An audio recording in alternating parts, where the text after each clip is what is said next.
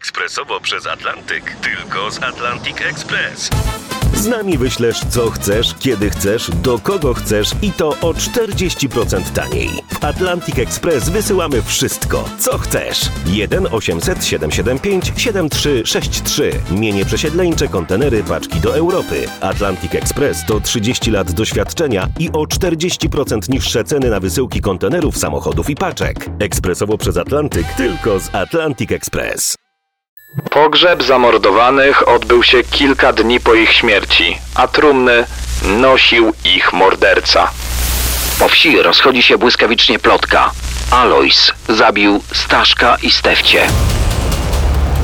Płatni zabójcy, seryjni mordercy i sceny zbrodni w RMFFM. A więc potrawy już zjedzone, wszystkie kompoty wypite, ciastka już są tak naprawdę na wykończeniu.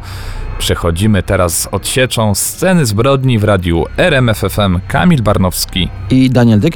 E, Pochwalę się genialnym wynalazkiem, bo ja mam taki pasek bez, e, bez e, tych dziurek, nie?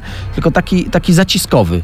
Ja naprawdę nie wiem, jak bardzo musiałem go po świętach poluzować i to jest najpiękniejsze w tej sytuacji. I to była zdecydowanie najbardziej optymistyczna historia w zestawieniu z tym, co dzisiaj dla Was przygotowaliśmy. Zapraszamy na podcast pod tytułem Cicha noc, krwawa noc.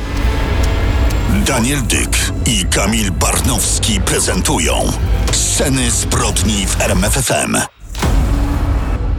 Niestety święta Bożego Narodzenia już za nami.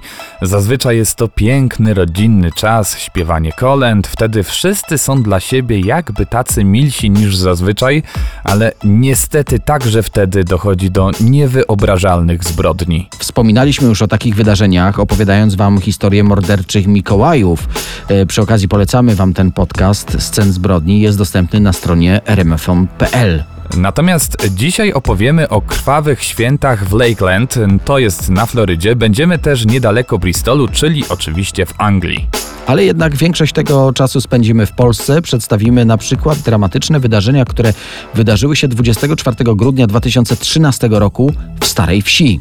Ale rozpoczniemy od jednej z najbardziej przerażających spraw w historii polskiej kryminalistyki. Zbrodnia Połaniecka, sprawa, która wstrząsnęła Polską ludową pod koniec lat 70.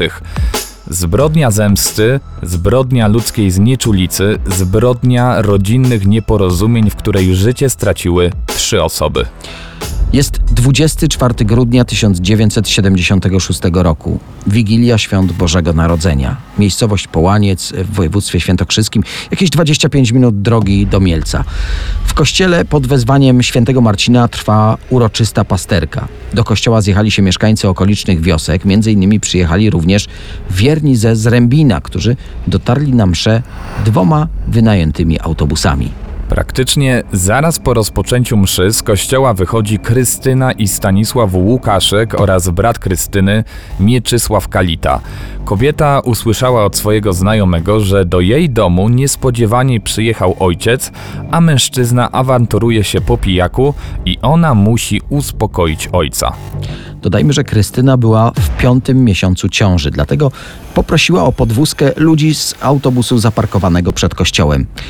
Tam jednak trwała bardzo mocna libacja alkoholowa, taka no, lokalna tradycja tamtych czasów. W pojeździe świętowała cała wierchuszka lokalnej społeczności, czyli był i sołtys, i ormowiec, no i oczywiście Jan Sojda, lokalny magnat, najważniejszy człowiek w wiosce, nazywany przez wszystkich królem Zrębina. Krystyna była pewna, że Jan Sojda pomoże jej w potrzebie, w końcu to przecież jej wujek.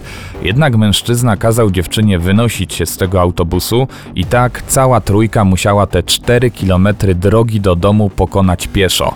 Kilkanaście minut później Jan Sojda zarządził, że alkohol się już skończył i muszą jechać po dodatkowy ekwipunek. W kierunku z Rębina rusza kolumna samochodów składająca się z dwóch autobusów. Niebieskiego Sana H100, czerwonego Autosana i Fiata 125P, który jedzie na czele. Samochody doganiają trójkę wędrowców, których wyrzucili wcześniej z autobusu. Wtedy kierowca Fiata Jerzy S., zięć Jana Sojdy, celowo potrącił 12-letniego Miecia Kalitę. Chłopak ma złamaną nogę, ale żyje. Wtedy z autobusu wychodzi Sojda ze swoim szwagrem Józefem Adasiem. Jeden ma w ręku wielki klucz do kół autobusowych, a drugi metalowy pręt. I właśnie tymi narzędziami katują Stanisława Łukaszka. Mężczyzna umiera od kilku uderzeń kluczem w głowę. Widząc co się dzieje, Krystyna Łukaszek zaczęła uciekać w pole. Napastnicy jednak dostrzegli kobietę, dogonili i zakatowali na śmierć. Na nic nie dały się prośby kobiety.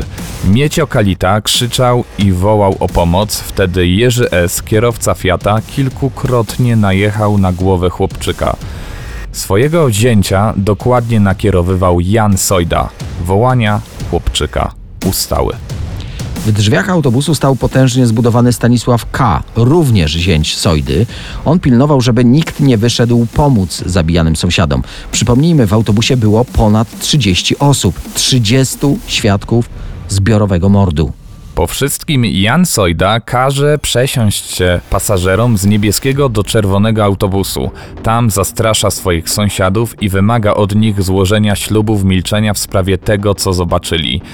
Każdy pasażer przysięgał na klęcząco i całował krzyż od różańca. Następnie Jan Sojda nakłuwał każdemu palec i tak powstawał krwawy odcisk palca na kartce papieru. To było dopełnieniem przysięgi. Dodatkowo każdy świadek rzezi został odpowiednio opłacony od 10 do 20 tysięcy złotych, co było wielokrotnością y, wtedy dobrej miesięcznej pensji. Później niebieskim sanem przewieziono zamordowaną trójkę w inne miejsce, bliżej Zrębina. Tam autobus przejechał jeszcze kilkakrotnie po całej trójce.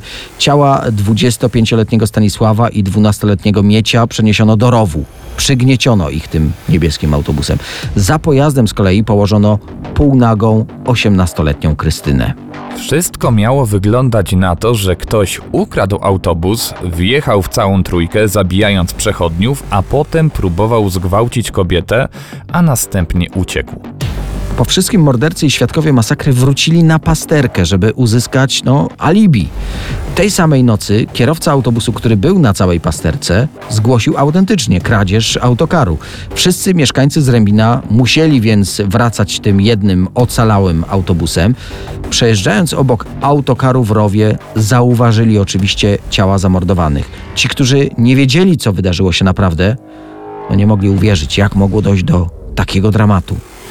Inscenizacja Sojdy udała się w 100%, ale dlaczego on i jego bliscy z zimną krwią zamordowali trzy niewinne osoby i to dodatkowo osoby ze swojej dalekiej rodziny? O tym już za moment w scenach zbrodni w radiu RMFFM.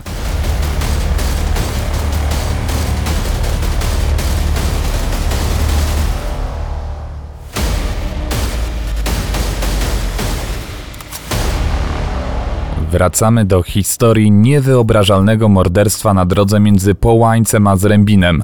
Jan Sojda razem ze swoim szwagrem i dwoma zięciami na oczach 30 świadków zamordował Krystynę i Stanisława Łukaszków oraz 12-letniego Mieczysława Kalitę.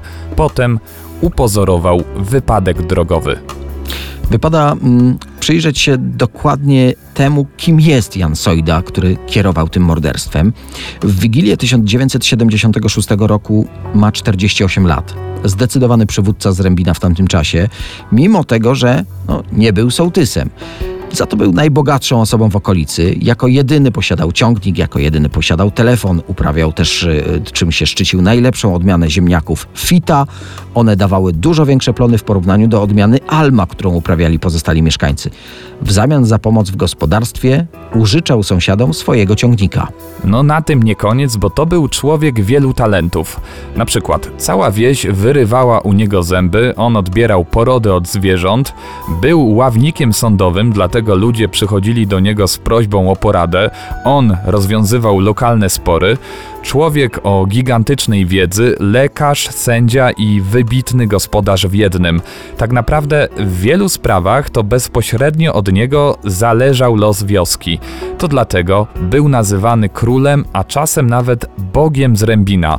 Musimy też zaznaczyć, że ten król był bardzo mściwy i miał bardzo wrażliwe ego. To do niego absolutnie w każdej sytuacji musiało należeć ostatnie słowo. A propos tej mściwości, pewnego dnia z podwórka Sojdy zaginęła jedna kura. Gospodarz był przekonany, że to pies sąsiada zjadł jego własność, ale sąsiad stanowczo zaprzeczał. Dlatego wyobraźcie sobie, Sojda zabił psa, rozpruł mu brzuch, w którym no, rzeczywiście znalazł wspomnianą kurę. I z tym krwawym, niezaprzeczalnym dowodem poszedł do swojego sąsiada. Pewnie wszyscy słuchacze zastanawiają się, jak za skórę Janowi Sojdzie zaszła zamordowana trójka. Tak naprawdę oni nie zrobili mu absolutnie nic. Zabici tamtej nocy Krystyna i Miecio pochodzili z rodu Kalitów i byli spokrewnieni z rodziną Sojdów. Dziadek Krystyny, Jan Roy, który był w Ormo, dodatkowo bardzo oddany człowiek perelowskiej władzy, pomógł kiedyś w złapaniu młodego Jana Sojdy, który napadł seksualnie na kobietę podczas wypasu zwierząt. Kobieta zgłosiła sprawę na milicję, a Sojda został złapany i trafił na kilka miesięcy do więzienia. Przyszły król z Rębina zapamiętał to dziadkowi Krystyny i całym następnym pokoleniom na zawsze. Już jakiś czas później na terenie jego gospodarstwa zginął w bardzo dziwnych okolicznościach syn Jana Roja. Oficjalnie przypadkowo zastrzelił go kolega Jana Sojdy, który mierzył do psa, a trafił niestety w człowieka. To wersja, podkreślamy, oficjalna. Relacje rywalizujących ze sobą dwóch rodzin były bardzo napięte. Rodzina Sojdów miała gigantyczne pieniądze, a rodzina Rojów, później Kalitów, miała z kolei doskonałe kontakty z nową władzą. Jednak po jakimś czasie mm, sytuacja pomiędzy tymi dwoma skonfliktowanymi rodami jakoś tak się unormowała, ich kontakty były powiedzmy w miarę poprawne. Lata mijały i tak docieramy do sierpnia 1976 roku, czyli 5 miesięcy przed tą wigilijną tragedią. Wtedy odbył się ślub Krystyny Kality i Stanisława Łukaszek. Na imprezie pojawił się Jan Sojda, wręczył młodej parze hojny prezent, a w przygotowaniach do wesela pomagała jego siostra. Jednak w trakcie prac w kuchni kobieta kradła mięso, na czym została przyłapana, a potem po weselu zabrała jeszcze część wypożyczonej zastawy stołowej. W taki właśnie sposób po wiosce rozeszła się wieść, że Sojdowie kradną. W spór y, no, najbardziej tutaj emocjonalnie zaangażowała się Zdzisława Kalita, mama panny młodej. Takie słowa o królu z Rębina nie mogły ujść płazem. Właśnie, król z Rębina został złodziejem. Za takie plotki kara musiała być odpowiednio surowa, a zemsta musiała być jak najbardziej bolesna jak najbardziej spektakularna. Dlatego postanowił zemścić się na Zdzisławie Kalicie w najgorszy możliwy sposób, mordując jej dzieci. Może zacytujmy tutaj akta spraw. Odgrażał się, że wytępi kalitowe plemię. Oczywiście wszyscy traktowali te groźby tylko jako takie no, zwykłe pogróżki. Jednak w Wigilię 1976 roku Jan Sojda pokazał, że nigdy nie rzuca słów na wiatr. Jak skończyła się ta sprawa? Jak morderstwo trójki osób wyszło wreszcie na jaw? O tym już za moment w RMFFM.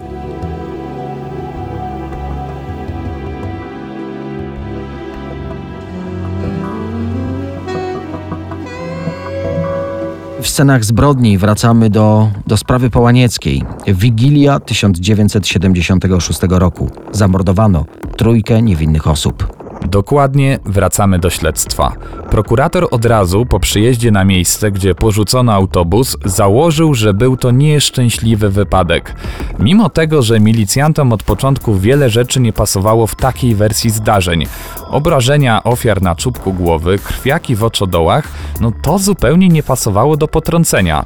Ale na miejscu zbrodni rządzi prokurator, więc nie protestowali nie zabezpieczyli odpowiednio śladów. Y, przecież narzędzie klucz do kół samochodowych był cały czas w autobusie.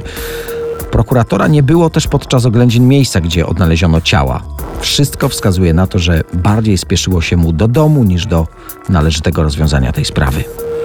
Pomyślicie pewnie, no ale przecież musiała być sekcja zwłok, ona musiała coś wykazać. Otóż została ona wykonana w skandaliczny sposób przez lekarza, który nie miał do tego odpowiednich uprawnień. Nie poświęcił tak naprawdę zmarłym zbyt wielkiej uwagi, po latach miał stwierdzić, że zastosował uproszczoną technikę sekcji.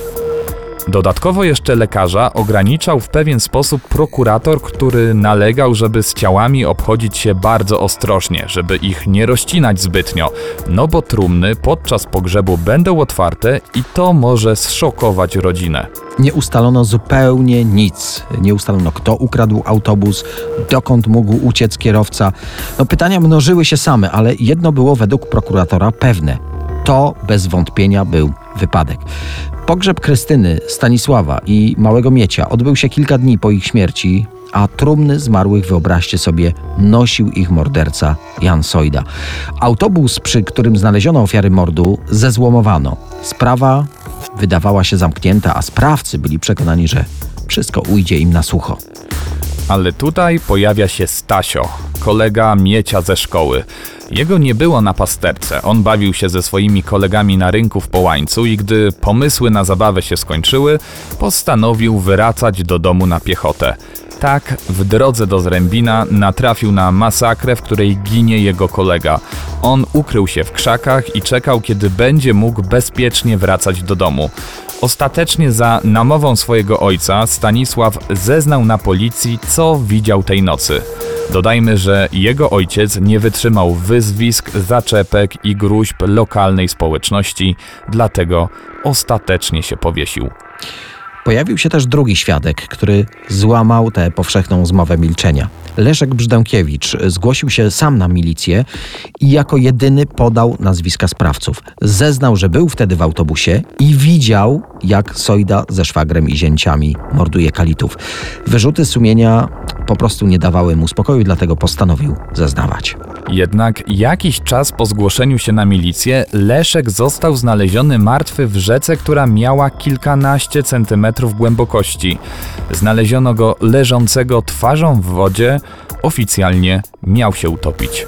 Był jeszcze jeden anonim na milicję i tak prokuratura Starnobrzega przejęła tę sprawę. Pięć miesięcy po zbrodni przeprowadzono ekshumację zwłok. Ponowna sekcja jednoznacznie wykazała, że to na pewno nie był wypadek. Obrażenia całej trójki były podobne, liczne uderzenia tępym narzędziem, pęknięta czaszka chłopca.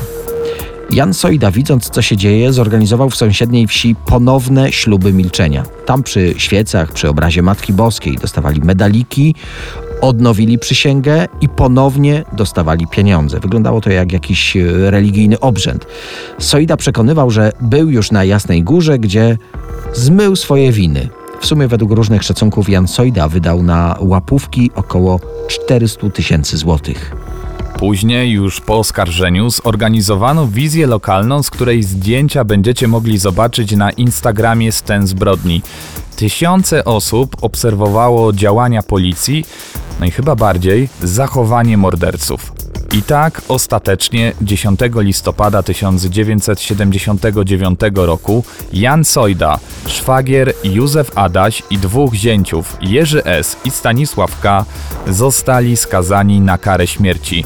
Jan Sojda był do końca przekonany, że uniknie kary. Jego rodzina chwaliła się, że w Warszawie jest już wszystko opłacone i kwestią czasu jest moment, kiedy król z Rębina wróci do domu. Ale Sprawiedliwości jednak stało się zadość. Jan Sojda i Józef Adaś zostali powieszeni 23 listopada 1982 roku w więzieniu przy ulicy Montelupich w Krakowie. Sąd Najwyższy zmienił karę śmierci dla zięciów Sojdy na 25 lat więzienia dla Jerzego S. i 15 lat więzienia dla Stanisława K. Obaj wyszli na wolność przed końcem wyroku. I tutaj musimy podkreślić, podobnego procesu nie było nigdy w dziejach Polski. Za składanie fałszywych zeznań na karę kilku lat więzienia albo bardzo duże grzywny skazano kilkadziesiąt osób. Ludzie tak bardzo bali się króla z Rębina, że podczas pierwszego przesłuchania tylko trzy osoby z 232 świadków przedstawiły prawdziwy przebieg tej nocy. Dzieci zeznawały przeciwko matkom. Wioska była podzielona w opiniach. Nawet teraz, w 2020 roku, ludzie w Zrębinie nadal boją się wypowiadać w tej sprawie. Śluby milczenia przecież nadal obowiązują. A król Zrębina, 44 lata po morderstwie, nadal sprawuje rząd dusz. Warto jeszcze przytoczyć tutaj słowa śledczych zajmujących się tą sprawą. Jan Sojda w wigilijną noc nie potrzebował przecież ponad 30 świadków morderstwa. on potrzebował publiczności w swoim przedstawieniu. I tu musimy zwrócić uwagę na jeszcze jedną okoliczność. W trakcie procesu obrońcy oskarżonych nagrywali zeznania świadków. Ludzie między innymi dlatego bali się zeznawać, ponieważ byli przekonani, że rodzina oskarżonych będzie wyciągać później konsekwencje. Jeszcze na koniec wróćmy do Stasia Strzępka, który jako pierwszy zgłosił się na milicję w tej sprawie. On był gnębiony przez sporą część zrębina, ludzie rzucali do niego kamieniami, traktowano go jak zdrajcę. Nie wiem, czy słuchacze zauważyli, ale ja tak, że jakoś tak z Kamilem dzisiaj zręcznie omijamy trudny świąteczny temat, a właściwie poświąteczny. Ile przytyłeś? No to jeśli chodzi o to pytanie w naszym teleturnieju, no to daję je na ciebie. Czyli niektóre pytania pozostaną bez odpowiedzi. W scenach zbrodni dzisiaj świąteczne zbrodnie. No właśnie, bo ten czas to nie dla wszystkich jest spokojny i rodzinny. Dzisiaj to udowadniamy. Tym razem zbrodnia wigilijna sprzed roku Stany Zjednoczone. W 2019 Wigilia wypadała we wtorek. W mieście Lakeland na Florydzie prasa zgodnie pisała, że choć zimowy był to najgorętszy wtorek roku. Policja otrzymała zgłoszenie o strzałach nad jeziorem Lake Mirror. Rachel Ramsey to samotna matka dwójki dzieci. Jest asystentką dyrektora w przedszkolu, do którego chodziły jej córeczki. No, dwa w jednym. Może pracować, a przy okazji mieć dzieci na oku. Jej znajomi twierdzą, że jest to najmilsza osoba, jaką w życiu spotkali. Zawsze mogą na nią liczyć, nigdy nie narzekała na swoją trudną sytuację, zawsze uśmiechnięta kobieta. No i do tego wykształcona, studia na Wydziale Prawa właśnie przygotowywała się do obrony pracy magisterskiej z psychologii kryminalnej. Z kolei Christopher Pine to samotny ojciec dwójki dzieci. Miły, przystojny, serdeczny, strażak ochotnik, z zawodu spawacz. Wiele ich łączy, podobna sytuacja życiowa, dzieci w podobnym wieku. Tematów do rozmów nigdy nie brakowało. A do tego są oddanymi członkami lokalnej społeczności kościoła metodystów. Zaprzyjaźnili się i jak twierdzi ich rodzina, to była tylko przyjaźń. W tym roku postanowili na świąteczne nabożeństwo w ich kościele wybrać się razem. Wcześniej spotkają się u niej w domu. Christopher z dziećmi przyjedzie po Rachel i jej dzieci w Wigilię. No a przy okazji może tradycyjny świąteczny posiłek, zanim wybiorą się na mszę jednak nigdy do kościoła nie dotarli. Tu trzeba dodać, że Rachel już od wielu miesięcy jest w separacji z ojcem swoich dzieci.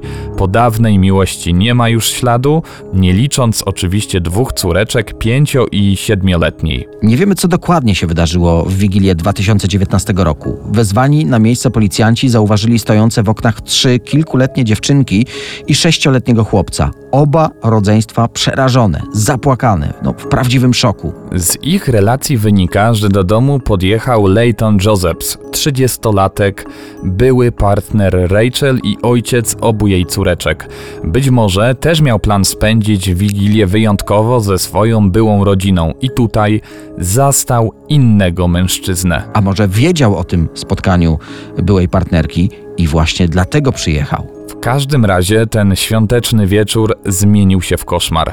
Leighton zastrzelił swoją partnerkę oraz jej przyjaciela na oczach czwórki małych dzieci. Następnie wymierza pistolet w samego siebie i naciska spust. Podwójne zabójstwo i samobójstwo.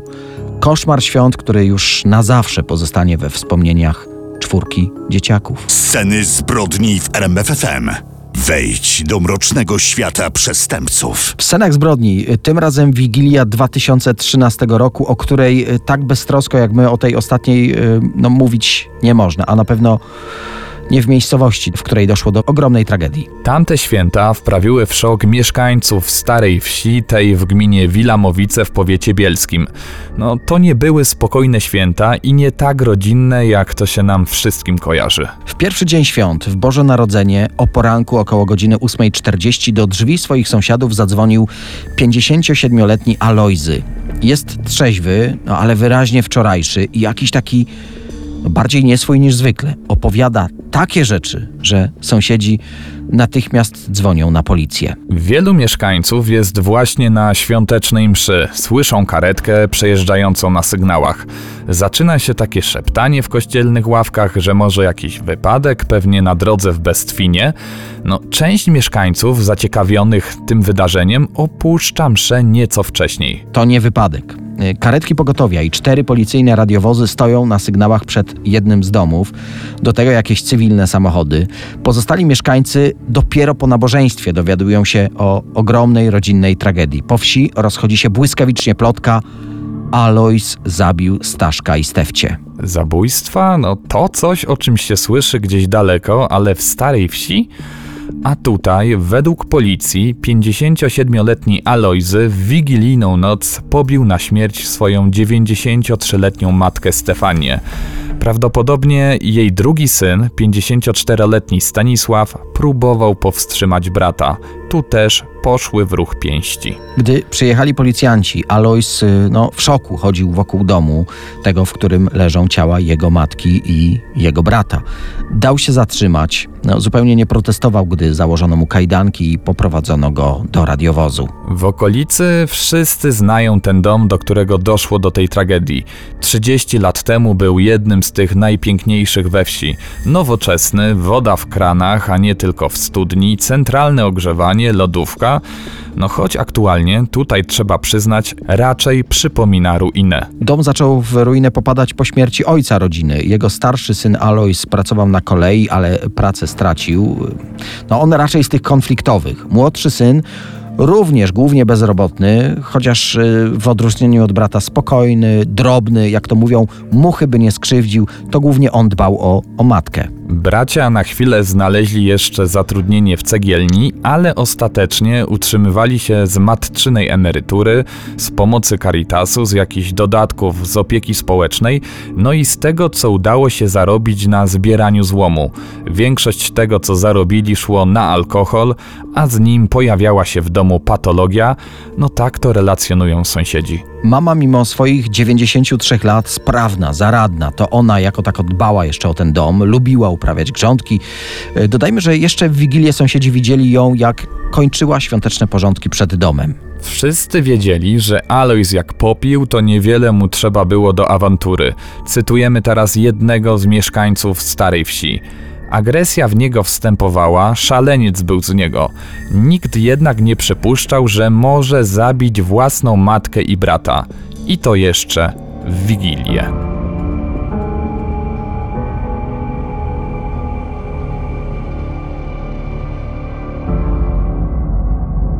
Scenach zbrodni Anglia i sprawa zabójstwa Joanny Yates, o której w prasie pisano głównie jako o świątecznym morderstwie.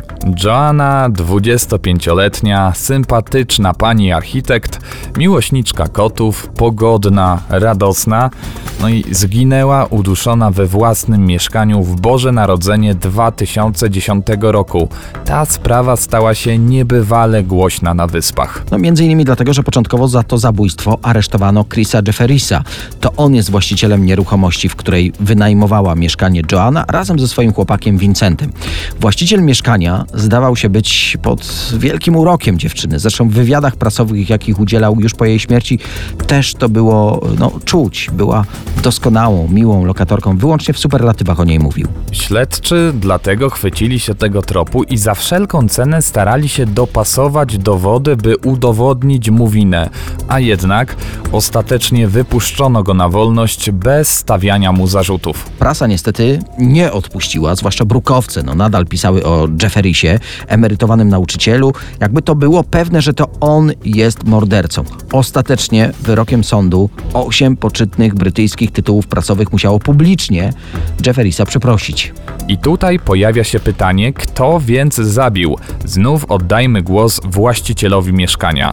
Mówiąc o Joannie, zauroczony nią Jefferis wspominał też, cytujemy, miała bardzo sympatycznego chłopaka. Wówczas ani mówiący te słowa, ani policja nie podejrzewali, że ten sympatyczny chłopak mógł być prawdziwym mordercą. Ciało Joe Yates znaleziono porzucone przy wiejskiej drodze w Filand, 5 km od jej mieszkania w Bristolu. Jednak niemal od razu było widać, że no, musiała zginąć gdzieś indziej. Śledztwo wykazało, że we własnym mieszkaniu, a jej mordercą był jej partner, starszy od niej, e, ponad 30-letni holenderski inżynier Vincent Tabak. On y, przyznał się do winy, wyrok to dożywocie, ale z zapisem, że przy ewentualnym złagodzeniu kary nie może wyjść z więzienia przed odsiedzeniem co najmniej 20 lat. Dodajmy jeszcze, że przy okazji śledztwa odkryto w jego laptopie 145 nieprzyzwoitych zdjęć dzieci, za co otrzymał oprócz dożywocia jeszcze 10 miesięcy za kratami. Niełatwe tematy, kto wie, czy nie najtrudniejsze z tych, które, które poruszaliśmy w tym 2020. Nie wiem, czy zdajesz sobie, Kamil, sprawę, ale nagraliśmy właśnie ostatni podcast z tą datą. No i nieskromnie musimy powiedzieć, że z tą półsetką jakoś sobie poradziliśmy. No my mamy nadzieję, że w Sylwestra też dacie radę. Jeśli macie jakieś propozycje tematów następnych odcinków do scen zbrodni, zapraszamy na naszego Instagrama. No i w przyszły rok też wchodzimy z gigantyczną formą, no po tylu świątecznych potrawach to na pewno damy radę. Kamil Barnowski. I Daniel Dyk, żeby było jasne, mówiąc o półsetce w kontekście Sylwestra, Kamil miał na myśli półsetki odcinków, które przed Sylwestrem w scenach zbrodni udało nam się dla Was nagrać. Zdecydowanie. Sceny zbrodni w RMFFM.